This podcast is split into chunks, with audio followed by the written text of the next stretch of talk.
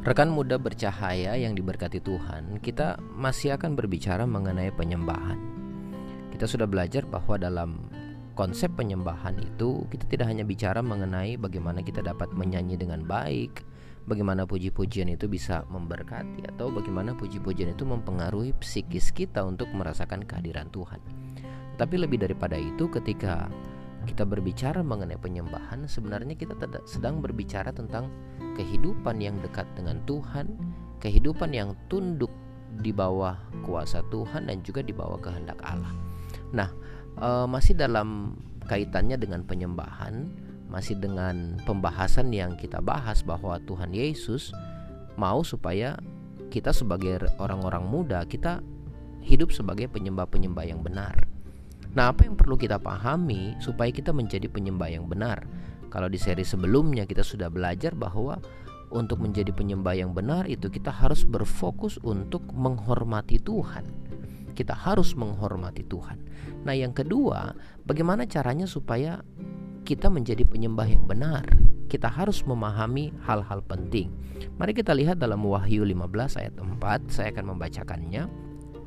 Wahyu 15 ayatnya yang keempat, Siapakah yang tidak takut ya Tuhan yang dan yang tidak memuliakan namamu? Sebab engkau saja yang kudus. Karena semua bangsa akan datang dan sujud menyembah engkau. Sebab telah ternyata maaf sebab telah nyata kebenaran segala penghakimanmu. Hal yang kedua yang kita pelajari bagaimana supaya kita menjadi penyembah yang benar. Saudara dan saya kita semua harus berfokus untuk menjaga kekudusan hidup kita menjaga kekudusan hidup kita. Nah, rekan muda bercahaya yang diberkati Tuhan, Alkitab memberi kita alasan yang jelas mengapa kita harus menyembah Allah. Kita menyembah Allah sebab Allah itu kudus. Nah, kekudusan sendiri memiliki makna tidak bercela, memiliki makna mulia atau sempurna. Lebih lagi waktu kita menyembah kekudusan Allah, saudara-saudara, kita mau menyembah kekudusan Allah sebab ternyata manusia membutuhkan kekudusan untuk dapat menikmati kehidupan yang kekal. Manusia harus kudus untuk menikmati kehidupan yang kekal. Saya tahu bahwa semua orang ingin hidup kekal di sorga. Tidak ada satupun di antara kita yang tidak ingin ada di sorga. Semua kita ingin ada di sorga. Tetapi yang harus kita pahami bahwa surga itu ada pemiliknya. Dan pemilik sorga itu tidak akan pernah membiarkan orang yang tidak kudus untuk ada di dalamnya. Nah, melalui ayat yang kita baca dalam kitab Wahyu tadi, kita lihat bahwa ternyata ada standar kebenaran yang akan dipakai oleh Allah dalam penghakiman. Artinya, setiap manusia berhak menjalani kehidupannya. Kita diberi kehendak bebas. Tetapi ingat ini baik-baik. Tidak setiap manusia memiliki hak untuk ada dalam kehidupan kekal selama dirinya tidak kudus di hadapan pemilik sorga. Nah muda bercahaya yang diberkati Tuhan Terkait dengan penyembahan itu bukan saja tentang puji-pujian di mulut kita Tetapi merupakan juga penundukan diri di hadapan Allah Serta upaya menghormati Allah Maka kita belajar lagi bahwa penyembahan kepada Allah itu Sesungguhnya adalah juga upaya kita menjaga kekudusan diri Penyembahan kepada Allah itu adalah upaya kita untuk tidak melanggar kekudusan Allah. Artinya, kalau kita menyembah Tuhan tanpa kita memperhatikan kekudusan, maka penyembahan kita itu tidak ada nilainya. Apa yang kita pelajari? Sahabat muda bercahaya, begitu banyaknya orang Kristen lupa hal ini bahwa ukuran penyembahan itu bukan ketika kita putar lagu rohani keras-keras di rumah, bukan. Penyembahan itu bukan hanya sebatas kita bekerja sambil dengar headset dan memuji Tuhan mengikuti lagu yang terputar di audio headset kita. Atau bukan berarti penyembahan itu kita menyapu rumah sambil kita nyanyikan pujian-pujian yang memberkati atau bahkan juga penyembahan itu bukan sekedar kita ada di gereja mengangkat tangan saudara-saudara dan memegang dada kita sebagai uh, luapan rasa kita bahwa kita sedang ada dalam hadirat Allah. Bukan hanya itu, tetapi menyembah Allah itu harus kita pahami dengan kehidupan yang tidak melanggar kekudusan Allah.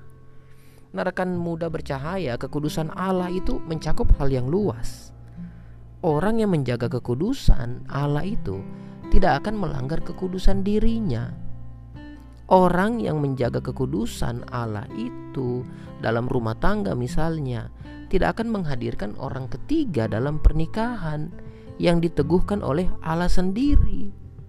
Orang yang menjaga kekudusan tidak akan senang kalau dia menyakiti orang lain dengan perkataan atau status-status media sosial yang menyinggung.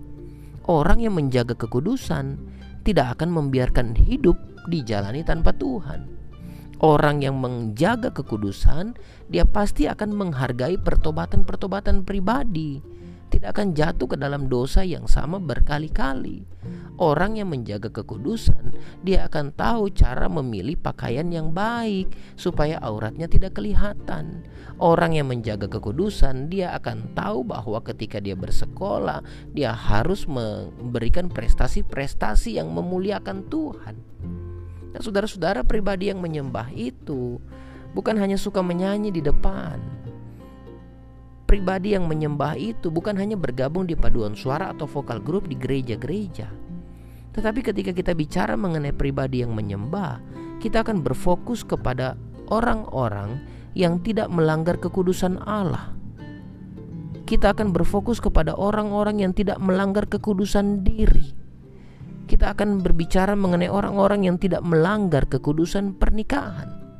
Sebab bukankah kita melihat banyak juga orang yang menyembah Tuhan, pelayan musik, atau menjadi singer mungkin bahkan di gereja, anggota paduan suara, anggota vokal grup, hari Minggu menyanyi memuliakan Tuhan dengan luar biasa, tetapi di hari-hari lain akhirnya menjadi batu sandungan saudara-saudara.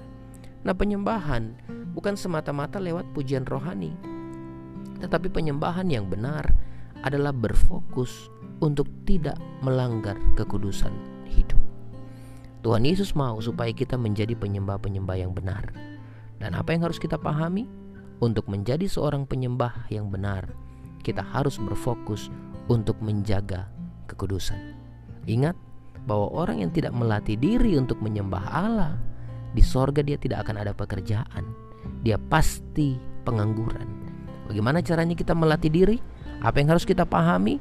Saudara dan saya, kita akan menjadi orang-orang muda yang berfokus menghormati Allah, itu yang kita pelajari di seri sebelumnya dan kita akan berfokus untuk menjaga kekudusan kita. Kekudusan diri, kekudusan pikiran, kekudusan perasaan. Apa yang kudus? Yaitu apa yang sesuai dengan kehendak Kristus. Selamat menjadi penyembah-penyembah yang benar. Saya Kapten Jeffrey Manansang, sampai jumpa lagi. Tuhan memberkati kita. Amin. thank you